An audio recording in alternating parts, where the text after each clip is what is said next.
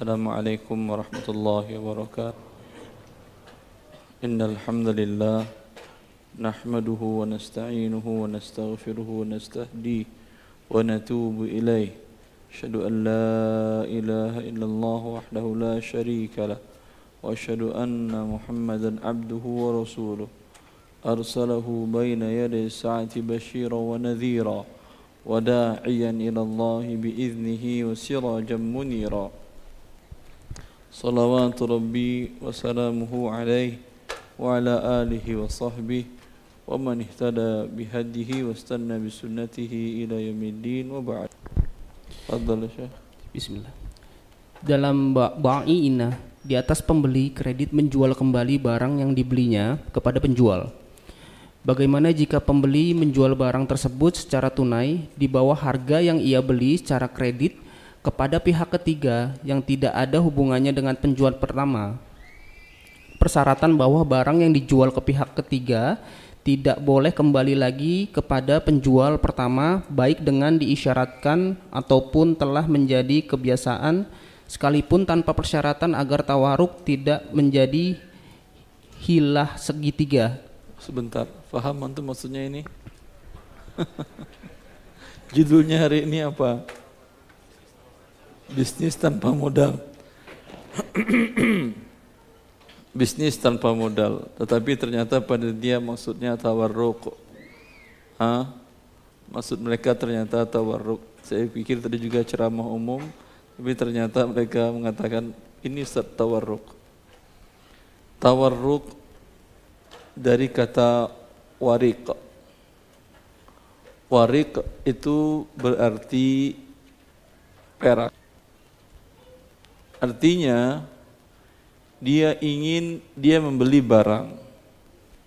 Tetapi yang dia inginkan dengan beli barang tadi uang. Bisa? Bisa atau tidak? Kalau Anda ingin uang, tentu pinjam uang. Ini tidak. Dia ingin uang tapi dia beli barang. Ya. Jadi asal kata itu diambil namanya tawarruk itu. Kalaulah seseorang dia ingin uang, saya ingin uang umpamanya Ahmad ingin uang satu miliar modal untuk usahanya dia. Jelas? Datang kepada Mahmud. Kata Ahmad, pinjam saya uang satu miliar. Kata Mahmud, kalau aku pinjam kau uang kau satu miliar, Ya, kapan kau kembalikan? Enam bulan berikutnya. Apakah boleh Ahmad membayar memberikan pertambahan dari satu miliar tadi? Boleh? Tidak boleh disyaratkan dari awal. Si Mahmud pun tidak boleh mensyaratkan dari awal ni uang satu miliar kau kembalikanlah setelah enam bulan menjadi satu miliar lima puluh juta. Tidak boleh karena ini dia riba. Ya. Lalu kata si Mahmud ini agar menjadi boleh begini caranya. Aku jual kepadamu rumah dengan cara kau kan bayar enam bulan lagi. Dengan kau bayar enam bulan lagi dengan harga 1 miliar 50 juta. Paham? 1 miliar 50 juta. Ya, lah saya pengen uang, kata si Ahmad. Sebentar. Kau jual lagi kepada saya rumah itu satu miliar cash. Saya serahkan kepada kamu uang satu miliar, nanti kau bayar enam bulan lagi satu miliar lima puluh juta. Paham antum itu? Betul jadi boleh dia? Hah? Paham kasusnya? Paham, tapi betul jadi boleh? Hah? Ini apa namanya ini? Apa nama istilah akadnya ini? Gambarannya, deskripsinya jelas. Jelas tadi kan ya. Pernah nggak terjadi dalam kehidupan Anda? Beliau bilang enggak karena masih kecil. Kalau yang dewasa mungkin, mungkin terjadi. Mungkin terjadi. Ya. Ini dinamakan dengan ainah. Jelas? Ini dinamakan dengan ainah. Secara referensi teori para ulama, madhab yang tiga selain madhab syafi'i mengharamkan ini. Karena sesungguhnya apa? Ahmad terima uang berapa? Satu miliar pada saat itu juga. Nanti Ahmad bayar ke Mahmud berapa? Satu miliar lima puluh juta. Riba atau tidak? Lah, kan ada jual beli. Hah? Kan ada jual beli. Mana jual belinya? Kan barangnya kembali lagi kepada pemilik awal. Paham? Paham antum itu? Ya. Dan madhab syafi'i mengatakan ini boleh dengan syarat tidak direkayasa. Kalau seperti kasus Ahmad dan Mahmud tadi, jelas ini tidak boleh. Karena Ahmad kata Ahmad, yang penting saya dapat uang satu miliar, nanti enam bulan lagi saya kembalikan terserah kamu mau nambah 50, 100 insya Allah saya siap nggak ada masalah. Ya cuma 10 persen 6 bulan biasanya nutup dari bisnis itu. Hah? maka intinya adalah uang diterima nanti bayar berlebih. Kalaulah tanpa direkayasa ini yang dibolehkan oleh madhab syafi'i. Jelas? Anda umpamanya beli ke dia rumah dengan beli kepada seseorang. Ahmad beli kepada Mahmud, sengaja memang beli rumah tujuannya bukan uang. Dia beli kepada Mahmud rumah 1 miliar 50 juta dengan pembayaran 6 bulan tempo nanti dilunasi seluruhnya. Kemudian dia pikir, dia pikir-pikir, wah apain saya beli rumah? Mending saya dapat uang untuk buat, buat usaha kalau beli rumah konsumtif, gak bagus kata dia. Lalu dia punya pikiran, Mud, Mahmud kata dia, Mud, Mahmud, nih saya jual lagi ke kau lah. Kata Mahmud, saya siap beli, tapi gak mungkin saya beli 105, 1, 100, 1 miliar 60 atau lebih dari 50. Saya mau beli tapi dengan harga 1 M. Cash ya kata dia. Cash, cash, gak ada masalah. Ya udah terserah gak apa-apa boleh. Ya, tidak ada rekayasa dari awal. Ini yang dibolehkan oleh madhab syafi'i. Karena ini kan jual beli. Iya atau tidak? Tapi jumhur mengatakan walau dan dan maaf dan Syafi'i mengatakan kalau dari awal direkayasa bahwasanya warrajihun dana innahu la yajuz. Kata Imam As-Subki anaknya beliau Imam As-Subki bukan anaknya As-Subki bapaknya. As-Subki mengatakan bahwa bahwasanya kalau akad inah tadi direkayasa dari awal si Ahmad pengen pinjam satu miliar tapi dia mengatakan Mahmud mengatakan nggak mungkin akadnya pinjaman karena kalau saya dapat pertambahan saya riba. Tanpa pertambahan saya rugi. Saya buat akad jual beli saja. Kalau dalam hal ini pun warajihu indana kata Subki pendapat yang terkuat pun dalam mazhab kami ini tidak boleh. Jelas. Jumhur mengatakan baik direkayasa, tanpa direkayasa tetap inah namanya. Tetap dia dapat uang satu miliar ya kemudian barang kembali menjadi penjual kemudian dia harus bayar berlebih setelah waktu ditentukan. Tetap inah namanya dan haram. Berdasarkan asal diriwayatkan dari Aisyah radhiyallahu taala anha bahwasanya terjadi jual beli antara suami dengan istri. Ya. Zaid bin Mas'ud membeli dari istrinya seorang budak seharga 600 dinar. Maaf, 800 dinar tidak tunai.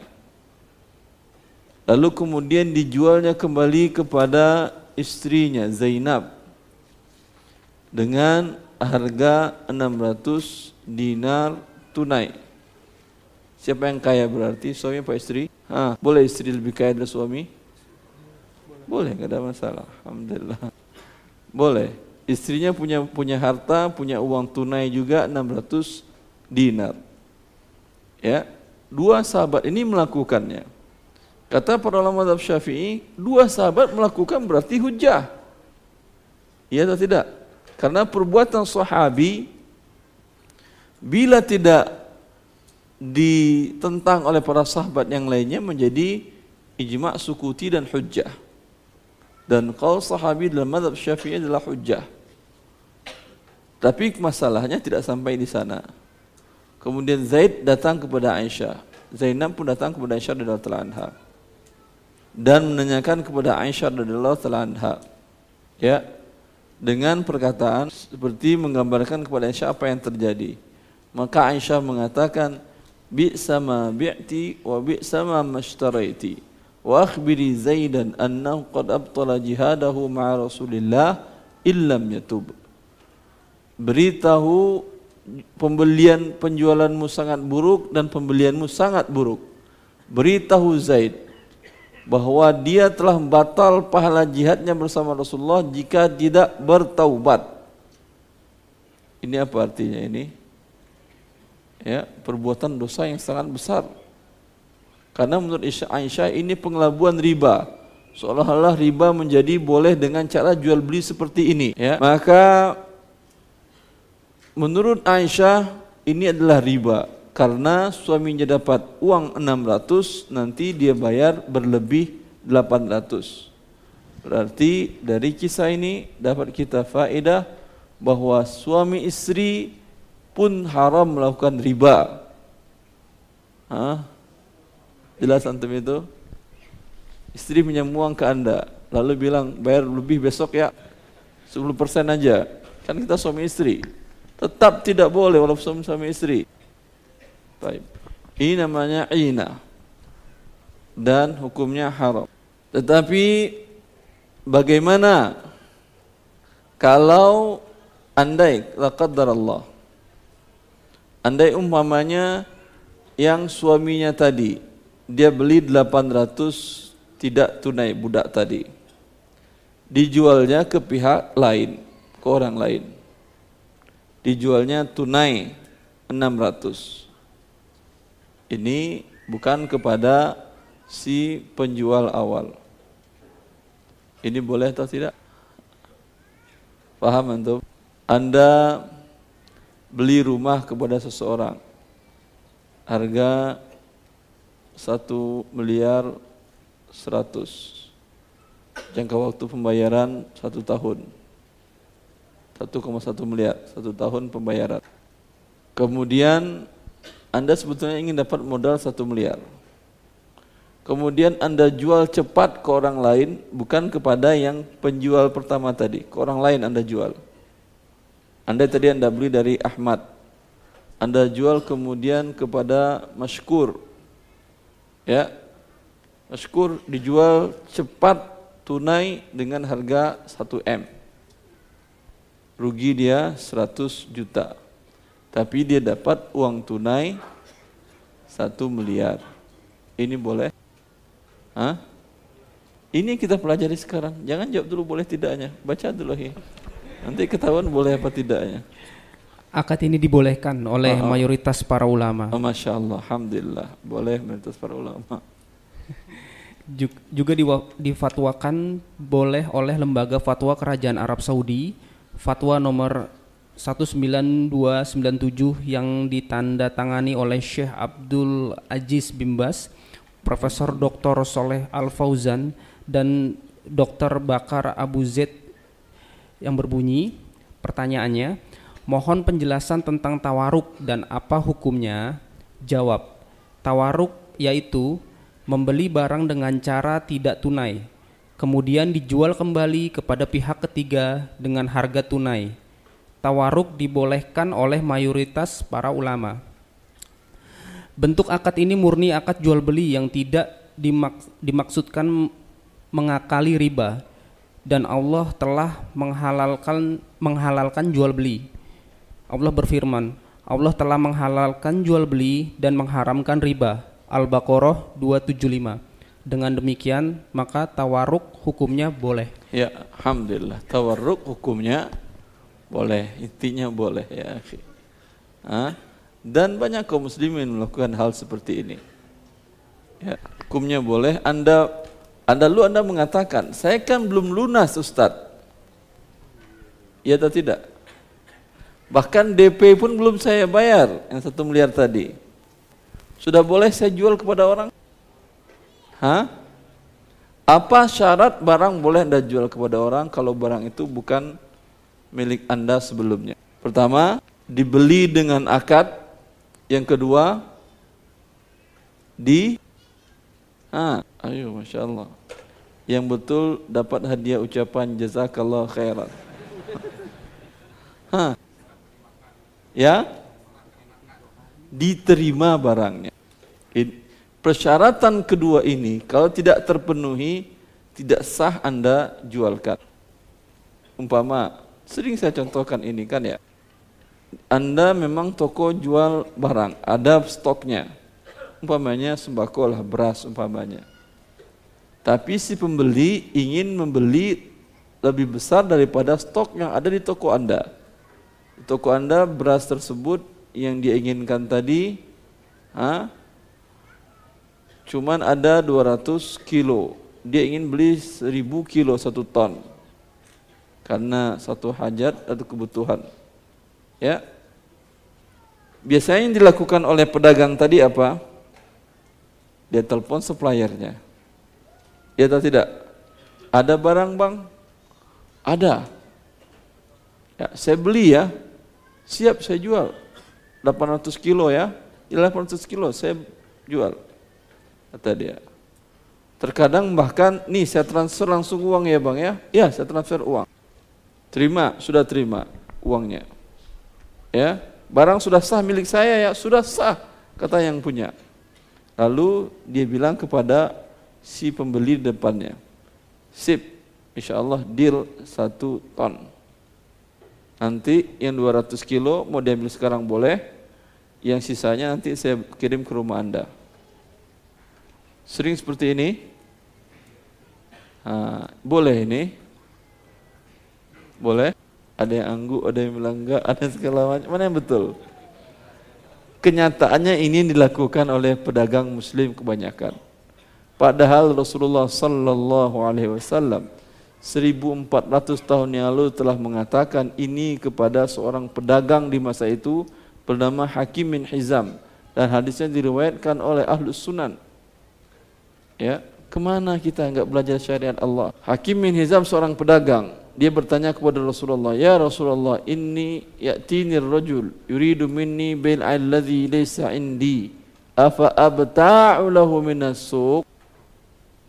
Qal Ya benahi la tabi' hatta taqbidahu. Kata dia, ya Rasulullah, kata Hakim aku seorang pedagang. Profesiku aku beli barang aku jual. Lalu terkadang datang orang kepadaku dan dia menginginkan barang sedangkan barang itu sedang tidak ada padaku, sudah habis. Bolehkah aku jual kepada dia? Lalu aku beli ke pasar Kata Rasulullah, jangan engkau jual sebelum engkau terima. Beli dengan akad boleh. Tadi kan dibeli ke supplier.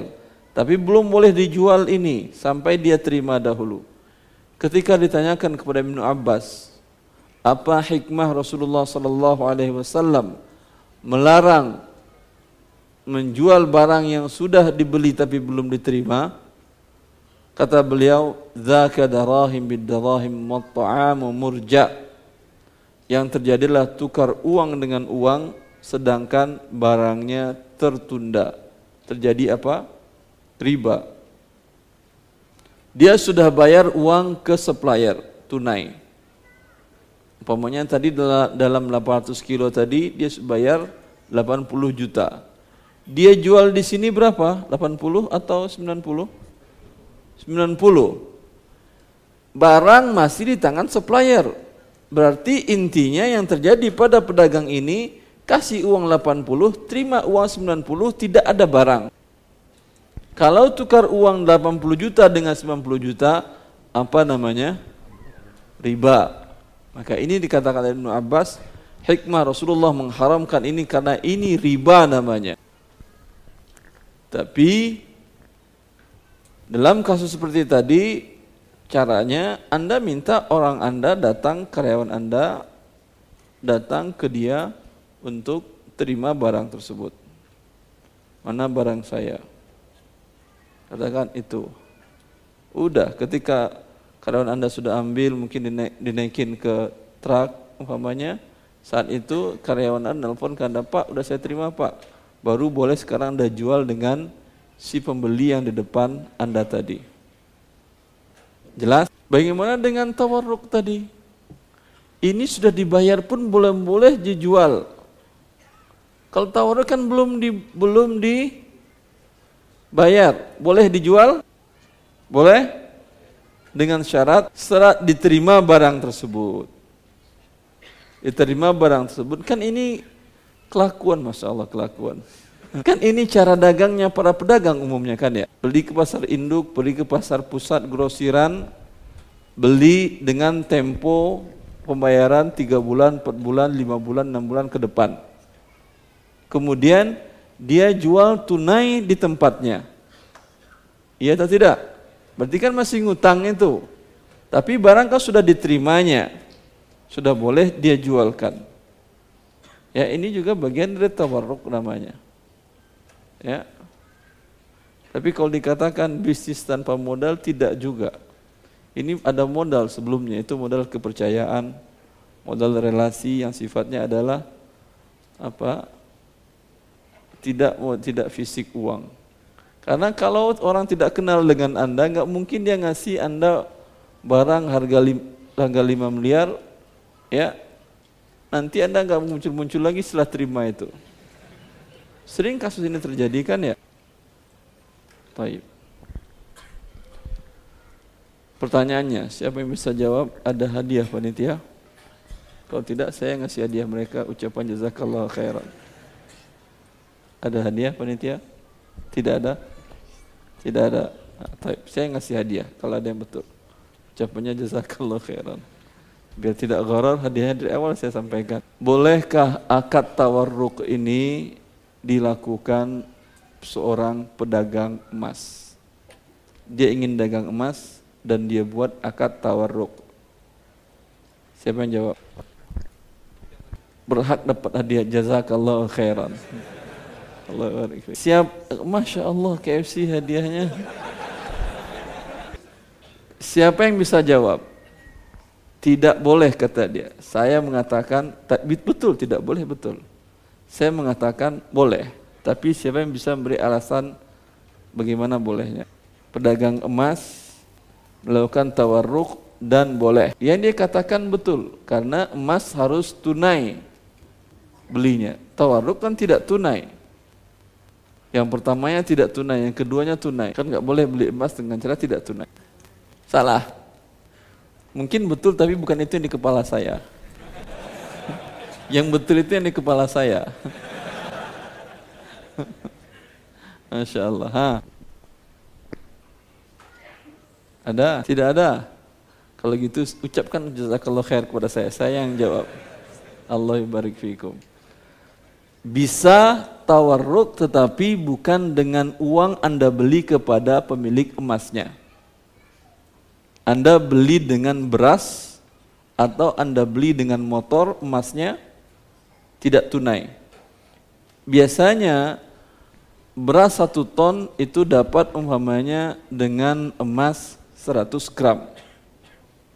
Ya, karena emas Anda terima di depan, beras emas dengan beras harus tunai atau tidak? Ah, tidak. Mana dalilnya Ustaz? Dalilnya ada perbuatan Rasulullah sallallahu alaihi wasallam. Ishtara ta'aman li ahlihi wa rahanahu dir'ahu. Rasulullah Sallallahu Alaihi Wasallam membeli makanan pokok yaitu gandum kepada Yahudi dan beliau gadaikan baju besinya berarti berarti beliau jual belinya tunai atau tidak tidak tunai. Paham antum? Ya. Dan tentu value-nya nilainya lebih besar. Kalau umpamanya tunai, kalau rupiah dengan emas memang harus tunai karena dia satu illat, yaitu sebagai mata uang. Tetapi rupiah dengan beras, emas dengan beras, atau dengan barang yang lain selain dengan perak dan rupiah dan mata uang yang lain, maka dia boleh tidak tunai. Maka Anda katakan kepada dia, saya beli tidak tunai, tapi saya nggak akan bayar dengan rupiah. Kau bayar pakai apa? Beras. Aneh, aneh atau tidak? Enggak, enggak aneh. Dia mungkin setelah itu beras itu dijualnya. Hah? Dengan konversi nilai beras kalau tunai satu 100 gram tadi dapat umpamanya satu ton. Karena emas tunai, kemudian beras nanti dia minta dengan 1,2 ton. Untung dia 200 kilo. Boleh seperti ini? Boleh atau tidak? Boleh. Dapat dia emas. Paham? Kemudian dia jual emas. Lah tawaruk tadi, ini kan juga nggak tunai, nggak ada modal. Berasnya kan nanti, enam bulan lagi. Ya atau tidak? Bukan sekarang Anda bayar emasnya berasnya. Tapi Anda dapat emas, kemudian bisa dijual cash, dapat juga modal. Paham? Enam bulan lagi Anda beli beras, kasih ke dia beras. 1,2 ton. Yang uang yang tadi, Anda putarlah modalnya tadi. Dalam bentuk usaha yang halal. Jelas? Berarti bisa juga tukang emas melakukan tawarruk tapi dengan syarat bukan dengan emas bayarnya, bukan dengan rupiah bayarnya, bukan dengan perak bayarnya, bukan dengan dolar bayarnya. Bayar dengan barang yang lain. Maka kan ada di lembaga keuangan syariah cicilan emas. Tunai atau tidak berarti itu? Tidak. Boleh? Boleh kalau dibayar pakai beras. Ketawa antum astagfirullah. Hah? Tapi kalau dibayar pakai uang jelas tidak boleh. Karena dia satu ilat. Atau Anda bayar pakai pasir, Mas, boleh pasir Anda bayar umpamanya satu kubik cicilannya. Ya. Untuk 100 gram emas tadi. Setiap bulan, setiap minggu Anda serahkan satu kubik, satu kubik, satu kubik, satu kubik. Hadiahnya uang boleh tukar uang dengan pertanyaan? Masya Allah. Ha, siapa yang bisa jawab? Boleh tukar uang dengan pertanyaan? Ada ribanya atau tidak? Tunai? Baik. Jazakallah khair. Yang tadi diganti uang lagi itu yang tadi udah berlalu, berlalu berlalu insyaallah taala. Baik. Tawaruk Masrafi dalam kurung bank ini di Indonesia tidak ada, akak tidak ada, tapi pernah saya dengar DSN katanya akan membuat fatwa ini. Tapi ini sebelum DSN mengeluarkan fatwanya, Oki sudah mengharamkannya. Tawarruk masrafi. Artinya bank syariah mengadopsi di, di Timur Tengah ingin mengadopsi pendapat tadi. Tadi kan tawarruk boleh. Ya atau tidak? Ini kan bagus bagi lembaga keuangan ilmu keuangan syariah. Ada orang ingin modal pinjaman kredit satu miliar. Ya udah, saya jual kepadamu seperti tadi rumah. Tidak tunai. Kau bayar berapa cicilan? Selama sekian cicilan. Ya, saya jual 1,2. Selama berapa? Dua tahun. 1,4 saya jual. Selama dua tahun. Jelas? Kata dia, saya butuh uang pak. Enggak masalah. Wakilkan kami, kami jualkan uh, rumah ini. Ya, diwakilkan ke dia dijualkan rumah tersebut terjual 1 M. Dapat dia uang 1 M. Kebayang Amanda itu? Intinya dia dapat uang 1 M, dia bayar 1,4 nyicil. Kalaulah memang pihak ketiga tadi ya tidak ada hubungannya dengan bank tadi, bukan anak perusahaannya, bukan segala macam, sama sekali tidak ada hubungan. Boleh. Menurut pendapat yang bolehkan tawaruk tadi. Itu apa lagi? Uang lagi, Masya Allah. Oh ini berarti pertemuan terakhir ya, mau Ramadan. Bagi-bagi uang. Ini gharar. Ini mana yang besar, mana yang kecil isinya. Sama. Ini bentuknya aja yang besar kecil. Masya Allah, barakallah. Nah, ini berarti betul. Betul antum bisnis tanpa modal. Datang kajian dapat modal. Cukup. Cukup untuk modalnya, Cukup untuk modal. Jualan kaki lima atau jualan gorengan bisa untuk modalnya ini. Tapi kalau untuk mau jualan properti tentu nggak cukup ini kecuali isinya cek. Masya Allah, tabarakallah. Teruskan. Teruskan sampai di tabaruk masrafi sudah selesai tadi ya? Sudah. Ah? Taib, tabaruk masrafi, tabaruk munazam.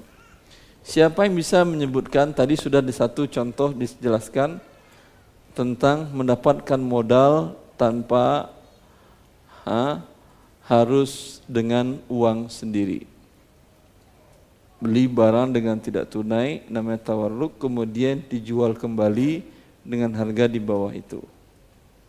Ya. Saya bisa menyebutkan mana modal yang syar'i lagi tanpa harus datang ke lembaga keuangan ribawi. Silahkan. Fadal. Ya, iya antum tunjuk tangan. Apa itu mudarabah? Bisa pakai mic ahi afwan. Pakai mic, ya. maju ke mic. Ya, sehingga kalau salah jelas salahnya. Ya dengan alat mudarobah Ustaz. Jadi Mudar, mudarobah salah. Mudarobah. Dengan... Mudarobah salah, tidak ada mudarobah akad. Oh salah. Iya. Kerjasama syirkah. Yang ada mudorobah. Mudorobah. Ah, akadnya apa? Mudorobah Ustaz. Ah, mudorobah ada. Ah. Iya. Apa itu mudorobah? Uh, jadi kerjasama dengan antara pemilik modal dengan pekerja. Nanti pemilik modal memberikan modal, pekerja melakukan pekerjaannya. Nanti kerjanya apa? kerjanya usaha tapi pemilik modal nggak bekerja eh, nggak uh, bekerja hanya memberikan modal si pekerja yang melakukan 100% pekerjaan seperti itu. Peke, jenis pekerjaannya apa? Pekerjaannya bisa apa pun Ustaz. Proyek, apa aja gitu. Apa aja. Setahu saya apa aja. Apa aja. Walaupun jual beli rokok gitu. Oh jangan Ustaz. Jual beli miras. Ustaz. Jual beli yang halal. Hah? Jual beli yang halal, usaha yang halal. Ah, apa saja Gimana? Boleh kasih amplop ini ya, biar dapat modal dia. Hah? Wadah fadal, saya pilih. Sama isinya. Fadal, Masya Allah, tabarakallah. Iya, Masya Allah, tabarakallah. Antum sudah nikah? Ah, bisa modal nikah. Taufik, Allah barik dari panitia. Taufik, afakumullah. Allah barik fiikum. Mudorobah banyak orang mengartikan dengan seluruh bentuk usaha apa saja. Tidak. Asal mudorobah, ya, ya, walaupun tidak ada dal, satu suatu dalil yang khusus menjelaskan tentang mudorobah, tetapi Syekh Utsaimin bin Taimiyah menjelaskan bahwa akad yang dilakukan oleh Rasulullah Sallallahu Alaihi Wasallam dengan Khadijah membawa harta perniagaan Khadijah adalah mudorobah. Khadijah memberikan uang kepada Rasulullah. Rasulullah SAW pergi ke Syam beli barang, kemudian barang dijualkan oleh Rasulullah di Mekah dan dapat untung. Modal dikembalikan, keuntungan dibagi berdasarkan kesepakatan. Itu dia yang mudharabah. Bukan untuk semua jenis usaha. Hanya untuk berdagang saja. Hanya untuk berdagang saja. Karena kalau untuk usaha pertanian ada lagi nama akadnya mugharasah, ada muzara'ah, ada lagi kemudian nama akadnya musaqah, banyak jenis akadnya yang lain. Tapi mudharabah khusus untuk berdagang. Allah mengatakan wa akharuna yadribuna fil ardi yabtaghuna min fadlillah. Yadribuna fil ardi melakukan perjalanan. Kata mudharabah itu dari kata daraba melakukan perjalanan di muka bumi Allah mencari karunia Allah yaitu berdagang ya ya ini bisa tetapi modal yang dimiliki oleh si pengelola ini apa modalnya berarti? Sifat amanah dan profesional dalam berdagang. Kalau dia terima uang Anda kemudian dia pergi menghilang, gimana? Hah? Sering nggak terjadi seperti ini? Sering. Bagaimana? Maka jangan pernah serahkan uang kepada orang lain kalau Anda tidak percaya dengan dia, melainkan Anda minta jaminan, ya. Ada teman ngajak Anda dagang bisnis, kata dia, saya tahu di daerah fulan ada hasil yang bagus, hasil daerah itu yang bisa dijual dengan harga yang lumayan bagus di Jakarta atau di kota Surabaya, kota-kota besar yang lainnya souvenir atau apa yang halal bentuknya. Atau terkadang barang hasil alam. Ya. Tapi butuh saya modal pak. Akhi tadi. Berapa modalnya? Ya nggak besar lah. 150 juta. Ya. Ketika dia minta modal akhi dia mengatakan. Setelah dia terima modal ah, maka anda mengatakan saya serahkan 150 juta insya Allah ada tapi so, tolong surat sertifikat rumah Anda taruh di sini dan buat akad kuasa menjualkan kalau Anda lari. Kalau rugi saya tanggung. Tapi kalau lari tentu Anda yang tanggung. Kalau rugi setelah Anda melakukan semuanya dengan profesionalisme yang baik, ya, saya yang nanggung. Tapi kalau rugi karena Anda tidak profesional, ya malas Anda dalam menjualkannya, mencari barang yang bagus, kemudian mencari pembelinya di kota-kota yang besar yang Anda katakan dari awal tadi, Anda menanggung kerugian. Jelas? Ini dia mutarabah. Betul. Dengan ini juga bisa seorang menjalankan bisnis tanpa harus keluar uang dari dia satu rupiah. Tapi sebetulnya ada modalnya. Modalnya profesionalisme dia dalam dagang tadi, dan dia adalah orang yang amanah. Kalau tidak amanah, siapa yang mau ngasih modal kepada Anda? Modal selanjutnya yang bukan dari uang Anda sendiri. Tadi sudah tawarruk, kemudian mudorobah. Apalagi? Di sini nggak ada? Bisa jawab? Oh dari situ semua ya, Masya Allah. Paling ujung, bilang dulu siapa tahu salah, nggak perlu maju kalau salah. Hah? Merubah dapat barang atau uang? Terus modalnya apa berarti? Dia dapat barang, terus dijualnya. Kalau dijualnya jadi tawarruk nama itu dia udah. Kalau untuk operasional Masya Allah. Dapat hadiah jazakallah khairan. Jazakallah khairan. Ah, antum. Dari arisan dengan arisan Ustaz. Jadi ngumpulin uang secara berkelompok dengan dapat modal. Ya. Berapa arisannya ininya?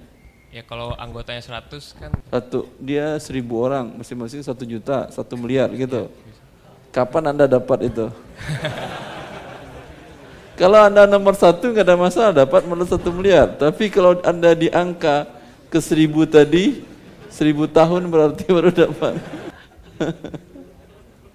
kan untuk betul itu modal. Bagus itu betul modal tapi bagi yang dapat di awal. Ah betul itu modal. Karena betul tapi betulnya setengah. Ya, betul. Ini bisa namakan kop pinjaman tanpa riba. Kira-kira ada yang memberikan pinjaman tanpa riba? Riba? Ya ada. Mulai arisan kan pinjaman tanpa riba tanpa ada pertambahan boleh dapat hadiah beliau ya? Boleh? Silahkan fadlah ya. Ya Allah barik fik. Itu bisa untuk arisan itu.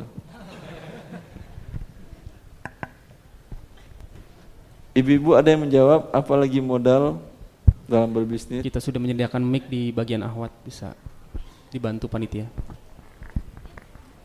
Masya Allah ada empat amplop lagi ibu-ibu. Ibu-ibu yang arisan harusnya tadi arisan untuk ibu-ibu itu. Ibu-ibu ada khusus ibu-ibu ntar dulu. Ibu-ibu. Ada Ustadz Afwan. Apa modalnya? Assalamualaikum Ustadz. Assalamualaikum warahmatullahi uh, Dengan akad salam Ustadz. Akad salam, maksud, Iya, maksudnya eh, bagaimana? Jual beli dengan cara inden. Maksudnya Anda butuh sekarang uang atau barang? Uang kan ya? Iya. Terus Em, di, eh, maksudnya eh, saya kan jual jual barang, tapi eh, terima uangnya dulu. barangnya nanti. Iya. Jadi uang dibayar di muka, yang kemudian di- dinamakan dengan modal salam. Masya Allah, bagus sekali. Ada suaminya di sini hadir ibu laki-laki? Ada, ada Ustadz. Ah, suaminya boleh nerima uang ini atau harus anda? Oh boleh Ustadz. Wakil, wakil, wakil, Iya, bukan buat boleh, dia. Boleh suami. Boleh. Siapa nama suaminya? Eh, Agus Klaris. Agus Waris. Masya Allah. Klaris. Mana Pak Agus? Pak Agus. Pak Atau Agus. bisa kita bantu berikan ke Ahwat Ustaz. Silakan. Taib. Iya, betul dengan akad salam. Ya. Bukankah yang dilakukan oleh Fast Travel, maaf saya menyebut nama karena memang sudah terkenal dia. Dan Abu Tur, sebetulnya kalau mereka jujur, itu bagian dari mencari modal. Tapi kalau dia melakukan dengan cara yang halal untuk mutar tadi, insya Allah mampu dia mengembalikan melakukan kewajibannya kepada orang-orang itu. Iya atau tidak?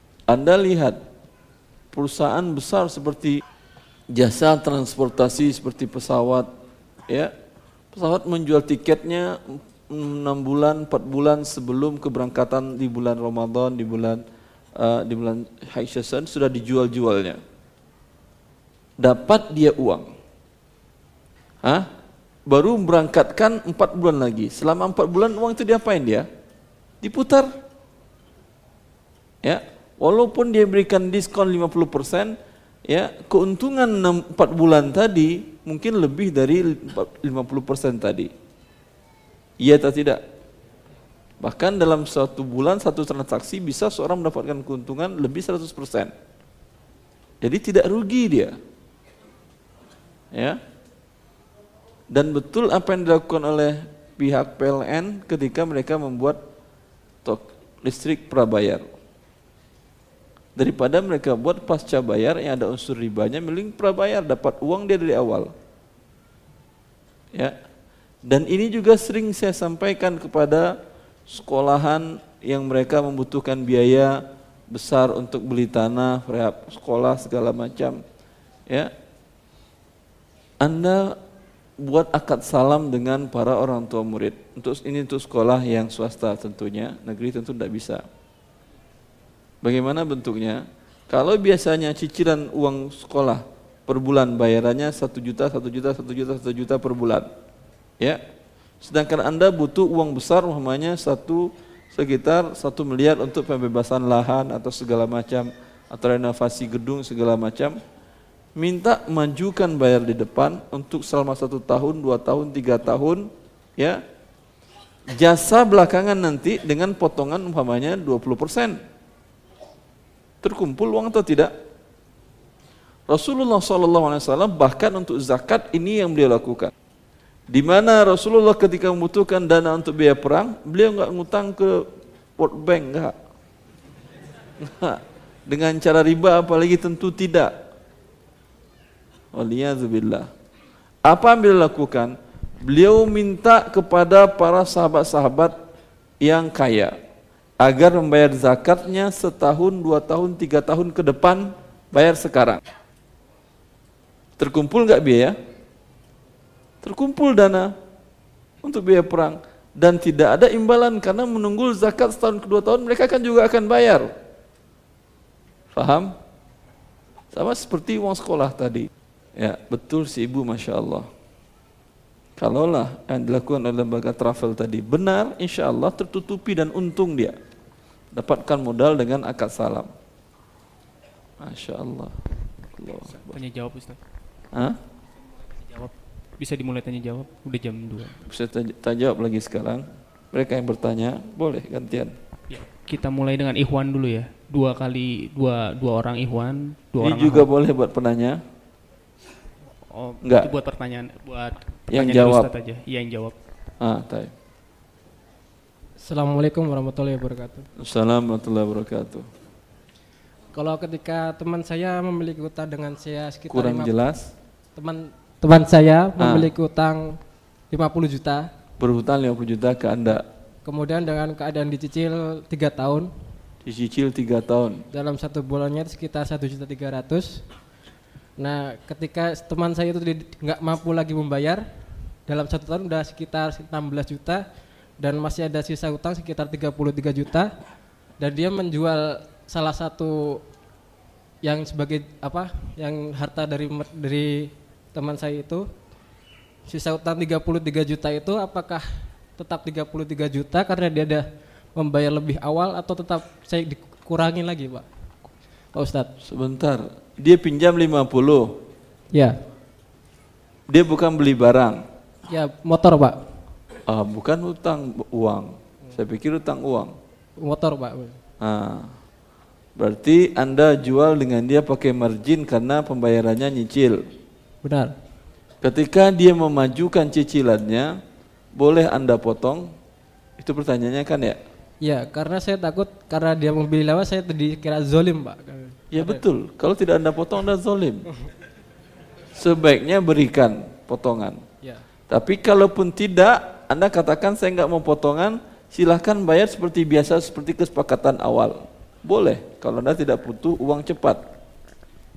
Tapi kalau Anda ingin butuh uang cepat, katakan ke dia, saya terima ya dan saya beri Anda potongan sekian persen. Setuju? Setuju kata dia, udah nggak ada masalah. Kalau dia nggak setuju dia minta besar, Anda juga nggak setuju. Kalau gitu kembali kepada akad awal saja. Ya, seperti biasa cicilan terus seperti itu. Jazakallah khairan Allah barik fiik. Assalamualaikum. Waalaikumsalam warahmatullah. Ini Ustadz saya mau nanya tentang penjual produk ya Ustadz ya. Apa? Untuk menjual produk. Menjual produk. Ketika kita menjual produk, kita bikin packaging kayak hang tag atau kemasan kayak gitu, kita menggunakan bukan eh, bahasa Indonesia atau misalkan supaya image produk tuh meningkat gitu kan. Misalkan kita jual koko nih, di packaging tuh kita eh, untuk packaging kita tulisannya tulisan-tulisan Arab. Arab. Padahal koran Arab Anda kopi Anda taruh di situ kan ya. Iya misalkan kayak gitu Isinya ya. padahal berita harian Arab kan ya. Ya pokoknya Tak supaya terjadi hujan di Mekah itu isinya.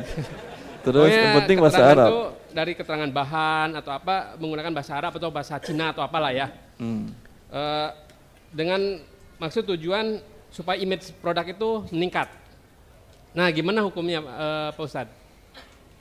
Karena Setahu kan, saya pemerintah aturan undang-undang melarangkan ya. Setiap barang di Indonesia harus ada made in Indonesia-nya. bukan made in Indonesia-nya, penjelasan spek Eh, dan penggunaan sampai pun barang-barang yang dari luar, yang asli dari luar, itu mereka harus terjemahkan buku panduannya. Guidance booknya harus dia terjemahkan, harus ada versi Indonesianya. Iya atau tidak? eh, Kalau tidak salah pernah ada salah satu yang tidak ada kemudian dipermasalahkan oleh pemerintahan, oleh pihak perda- Kementerian Perdagangan. jadi Sekarang Anda balik dari Indonesia malah Anda buat tanpa ada bahasa Oke, Indonesia. makanya kan karakter- Ini sepertinya barang selundupan jadinya. Karena ngelihat karakter eh, konsumen Indonesia rata-rata kalau ngelihat eh, packaging terus kemasan dengan tulisan-tulisan kesannya tuh barang jadi mewah gitu Ustaz. Nah itu, jadi kan eh, kita ngelihat karakter eh, iya, tapi tetap harus ada bahasa Indonesianya. Nah, jadi intinya Kecuali kalau Anda ingin kirim ke Timur Tengah. oh gitu, oke. Ah. Terus kalau misalkan yang tadi sekali lagi Ustaz, eh, kalau peminjaman nih, kita kalau telat, telat pembayaran, buat ke si piutang, itu apa ya yang ininya, eh, keuntungan, misalnya bukan keuntungan ya, melakukan punishment buat si peminjam. Anda berikan pinjaman, Heeh, kemudian yang minjam telat bayar. betul, Apa sanksinya? betul. Itu pertanyaan Nah, Anda. Boleh nggak? Ah, Ah, sanksinya bukan Anda yang menjatuhkan. Oh gitu. Sanksinya menjatuhkan adalah si pemberi penjatuh sanksi, yaitu pemerintahan dalam ini wewenang dari pengadilan. Anda datang ke pengadilan, fulan matolani, si fulan telah membayar telat kepadaku. Dalam hadis, yuhillu irdahu wa uqubatahu. Orang yang sengaja terlambat membayar, halal dicemarkan nama baiknya dan halal dia diberikan sanksi dalam bentuk penjara. Itu yang di masa Umar, Umar membeli rumah Sofwan bin Umayyah melalui gubernurnya Nafi' bin Al-Harith di Mekah untuk beli rumah Sofyan bin Umayyah dijadikan sebagai rumah tahanan. Yang ditahan di sana bukan maling. Karena kalau maling langsung potong tangannya, ngapain dikasih makan? Potong tangannya lepas lagi pergi dia. Kalau pembunuh penggal lehernya udah selesai urusannya. Oh, ya, kan habis-habisin biaya negara untuk menghidupkan orang jahat seperti itu. Ya. Tetapi pen- penjara tersebut rumah tahanan tadi menahan orang yang sengaja terlambat membayar hutang. Dia mampu, dia tunda-tunda. Tapi menjatuhkan sanksi bukan Anda memberi pinjaman. Cuman sanksi Anda ke depannya Anda tidak akan kasih dia pinjaman lagi, itu aja. Oh, gitu. Anda cemarkan nama baiknya, Anda beritahukan kolega-kolega Anda yang punya uang yang dekat dengan dia jangan hati-hati dengan si fulan. Dia pinjam ke saya, dia tidak bayar-bayar. Hak Anda itu dan halal. Untuk menasihati orang lain agar tidak terjebak. Ya, jazakallahu khair. Allah Ustaz, ditunggu kedatangan di Bandung, Ustaz. Masya Kajian di Allah. Bandungnya. Masya Allah. Soalnya belum pernah ya di, di Bandung. Sering antumnya tidak hadir. Yang gratis. Saya bayar Ustaz. Ya, Assalamualaikum. Assalamualaikum warahmatullahi wabarakatuh. silakan Ahwat, dua orang Ahwat, silakan. Bismillah. Assalamualaikum warahmatullahi wabarakatuh. Assalamualaikum warahmatullahi wabarakatuh. Ustadz, bagaimana bila ada seseorang yang memperbanyak sedekah namun masih memiliki hutang riba? Yang dimaksud dengan memperbanyak sedekah itu berharap untuk menghapus dosa riba tersebut. Syukran. Assalamualaikum. Assalamualaikum warahmatullahi wabarakatuh. Segala sesuatunya ada cara. Kalau tidak anda ikutin caranya yang diatur oleh Allah Azza wa Jal, ya rugi dua kali. Allah mengatakan, "Awan ja'ahu mau'izatun min rabbih fantaha falahu ma salafa wa amruhu ila Allah." Bila Anda dia tadi pinjam dengan riba atau meminjamkan dengan riba, Ibu? Eh, cicilan rumah Ustadz ke Berarti bank. dia pinjam.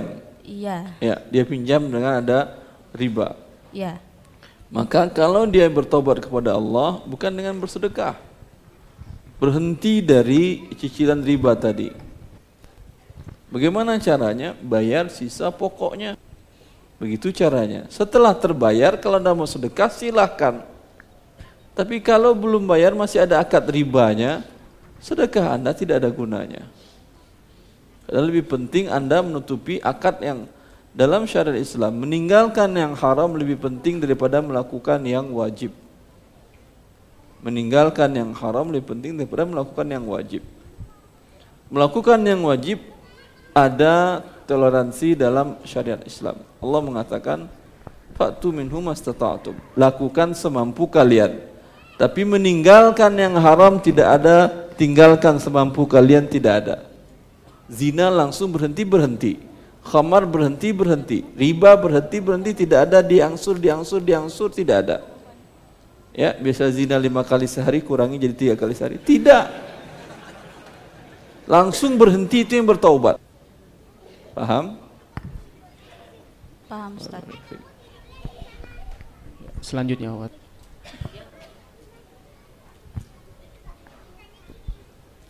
Assalamualaikum Ustadz. Assalamualaikum warahmatullahi Mau tanya bagaimana hukumnya bila berjualan di gedung atau di aula milik perbankan? Apakah halal?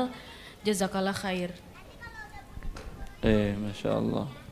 Yang belinya berarti tukang bank tadi atau ada orang lain? Dicampur Ustadz, ada eh, dari banknya, ada orang lain juga. Ada lu- luaran bank. Iya. Ya, tapi anda nyewa ke bank. Eh, saya sewa ke orang ketiga, tapi orang ketiga itu bayarnya ke eh, yang punya gedung itu Berapa persen pembelinya orang bank tadi? Eh, nggak bisa pastiin Ustadz, Perkiraan sampai 50? lebih dari 50. Ah, kan bisa tadi nggak bisa. Pasti emang nggak bisa, tapi lebih dari 50%. Yang lebih 50% tadi harusnya Anda ngasih gratis ke dia. Karena uang dia pembel, pembel, dia beli dengan uang yang tidak halal. Karena dia uang dapat bekerja di tempat yang riba. Anda tahu dia bawa name tag riba, Anda bilang, "Pak, pak, pak, pak udah jangan bayar, bawa aja, bawa aja gratis." Itu bagus. Lah, kenapa kok saya gratis? Saya tukang bank kok kerja di bank kaya raya saya kaya menurut anda, tapi menurut saya tidak halal. Saya nggak mau terima uang yang itu. Kecuali kalau anda ada pekerjaan lain yang halal, pakai uang itu anda bayar, saya terima. Ah itu bagus, masya Allah. Tapi dapat untung, ah, wallahu alam. Kalau dalam dalam rangka berdakwah mungkin diberi Allah untung dari sisi yang lain. Berarti boleh e, di gedung itu boleh Ustadz ya? Boleh, tapi jangan jual kepada uang yang pegawai yang di bank ribanya itu kepada oh. orang lain terima pembeliannya. Oh baik Ustaz. Kalau yang kepada pegawai bank gratisin aja dia.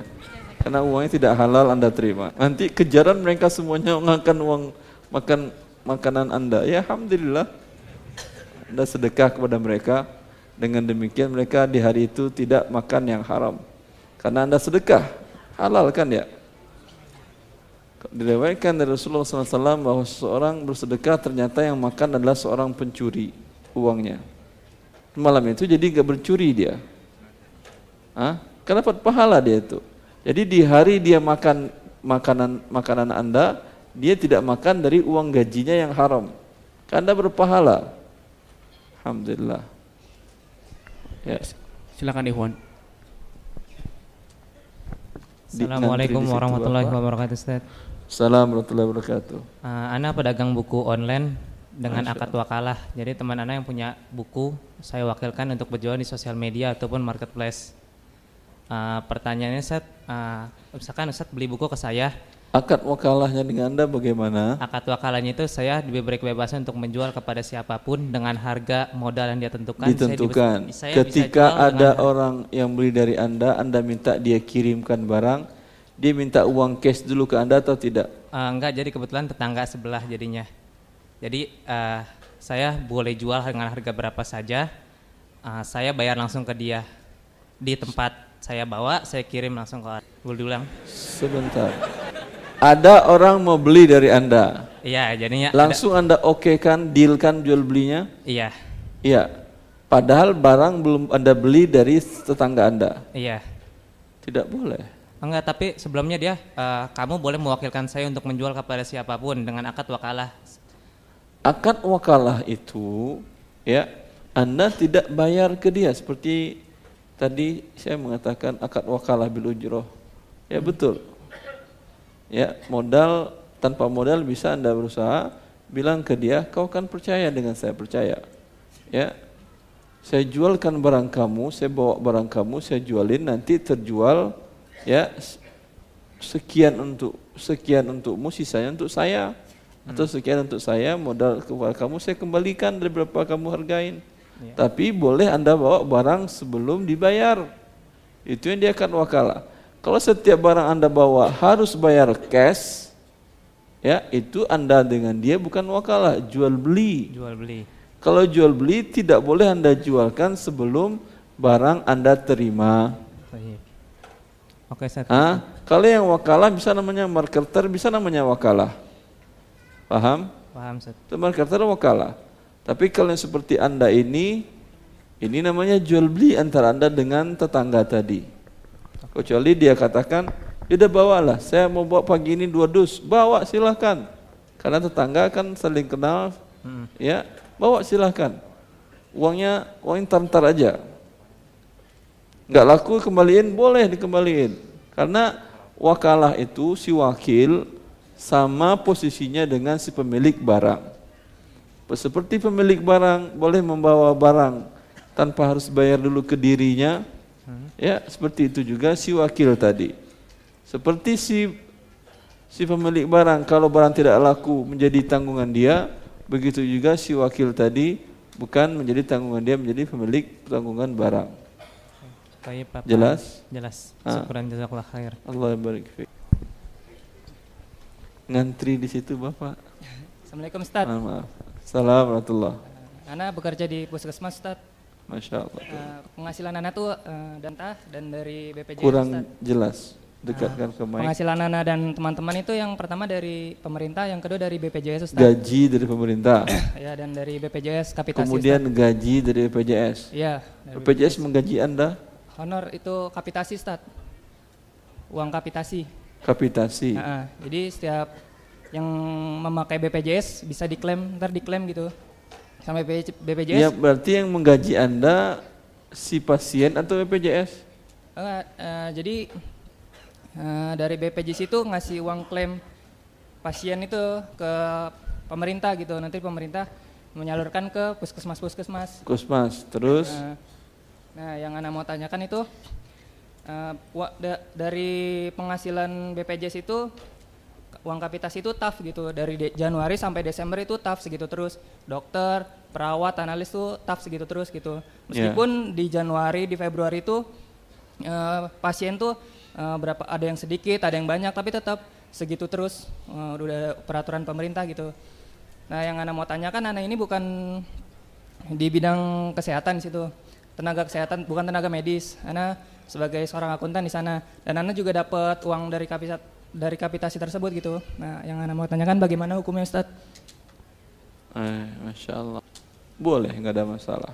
oh nggak ada masalah Ustaz Ya, karena goror yang sedikit hukumnya boleh. Ini karena kalau gorornya besar, ketika sedikit pasien, dia dapat juga uang yang sama. Ya, kalau gorornya besar pasti BPJS tutup. Ya. Atau kalau umpamanya gorornya besar, puskesmasnya pasti tutup. Salah satu pasti tutup. Ketika mereka berdua mau melakukannya, ya dengan demikian gorornya sedikit. Dengan sistem kapitasi tadi meminimalkan goror. Goror yang sedikit hukumnya boleh tidak masalah insya Allah taala. boleh jadi Ustaz ya Iya. terima kasih Ustaz jazakallah khair. Ya, silakan dua orang ahwat. Uh, Bismillah, Uh, Ustadz ingin bertanya Ustadz, ini ada seorang kerabat kami yang sedang bingung. Uh, ibunya, ya apa? Al- ayahnya telah almarhum 20 tahun yang lalu dan uh, menurut beliau ibunya itu tidak membagi hak waris perusahaan dan sebagainya dengan secara syar'i. Setelah dia mengenal ilmu syar'i, dia merasa itu uh, berarti harta yang apa yang dia makan itu tidak halal. Tapi di sisi lain eh, jadi dia berhenti untuk makan masakan ibunya, tapi dia juga bingung takut menyakiti hati ibunya. Itu gimana Ustadz? Kenapa dia meyakini tidak halal? Eh, karena tidak dibagi harta warisnya itu sesuai dengan aturan syar'i dan sudah disampaikan kepada ibunya. Dikuasai oleh ibunya semuanya. Iya dan Ah. kakaknya kalau nggak salah. Ah? Iya, iya. Yang iya. meninggal siapa? Ayahnya kerabat kami itu. Ayahnya kerabat Anda. Iya. Istrinya masih hidup. Ayahnya, iya, ibunya masih hidup, iya. Istri yang meninggal dia masih hidup. Masih menjadi ibunya kerabat kami itu. Iya. Istri yang meninggal. Iya. Bukan. masih hidup. Berarti kerabat kami tadi itu adalah anak dari yang meninggal. Iya, betul sekali Ustaz. Iya, dia ada Jazakallah hak khair. juga di situ. Dia juga ada hak di situ. Iya. Ya, boleh kalau sekedar makan. Ya. Maka ingatkan si ibu tadi. Ke bapak dari yang meninggal, orang tua dari yang meninggal tadi. Ah, masih hidup atau sudah meninggal? Sudah meninggal. Tidak tahu. Ay- ayahnya sudah meninggal Ustadz. Oh kakeknya sudah nggak ada juga. Ibunya dia Neneknya eh, sudah meninggal, tapi duluan ayahnya almarhum. harusnya si nenek dapat itu. Iya, itu tambah pelik lagi Ustadz. Bukan tambah pelik. Bingung. Ini pelit si istrinya. Iya, betul. Ah, wajib si istrinya mengeluarkan hak si nenek tadi ibu dari ibu mertua si dari si istri tadi paham sebanyak seperenam secepatnya karena sebelum meninggal dia itu dibagikan kepada ahli waris si nenek tadi Ya, nenek tadi punya anak laki-laki selain yang meninggal ini? Tidak. Punya anak perempuan selain yang meninggal ini? Ada. Ada. Itu hak mereka. Jelas? Jangan bermain-main dengan hak orang. Berarti kalau untuk uh, untuk keseharian kerabat kami itu dia boleh memakan makanan yang disediakan Karena oleh ibunya dia walaupun dia berapa orang? Ya, bapak tadi punya yang kerabat kami berapa bersaudara kandung? uh, dia lima, lima, lima. Berapa laki, berapa perempuan? Dua laki, yang satu kedua, kemudian yang perempuan tiga. Laki dua, perempuan tiga. Ya, itu dibagi tujuh, pas. Untuk istrinya seperdelapan, untuk si anak perempuannya seperdelapan, untuk laki-lakinya dua per delapan, dua per delapan. Dua per delapan. Jelas? Jadi hak is anak kerabat kami ini perempuan atau laki-laki yang bertanya? Perempuan. Ya, haknya dia sama dengan hak ibunya dia seperdelapan seperdelapan. Cuman mereka berdua kerabat kami ini dengan ibunya atau istri yang meninggal tadi dia menzolimi saudara laki-laki kerabat kami atau anak laki-laki dari ibu tadi.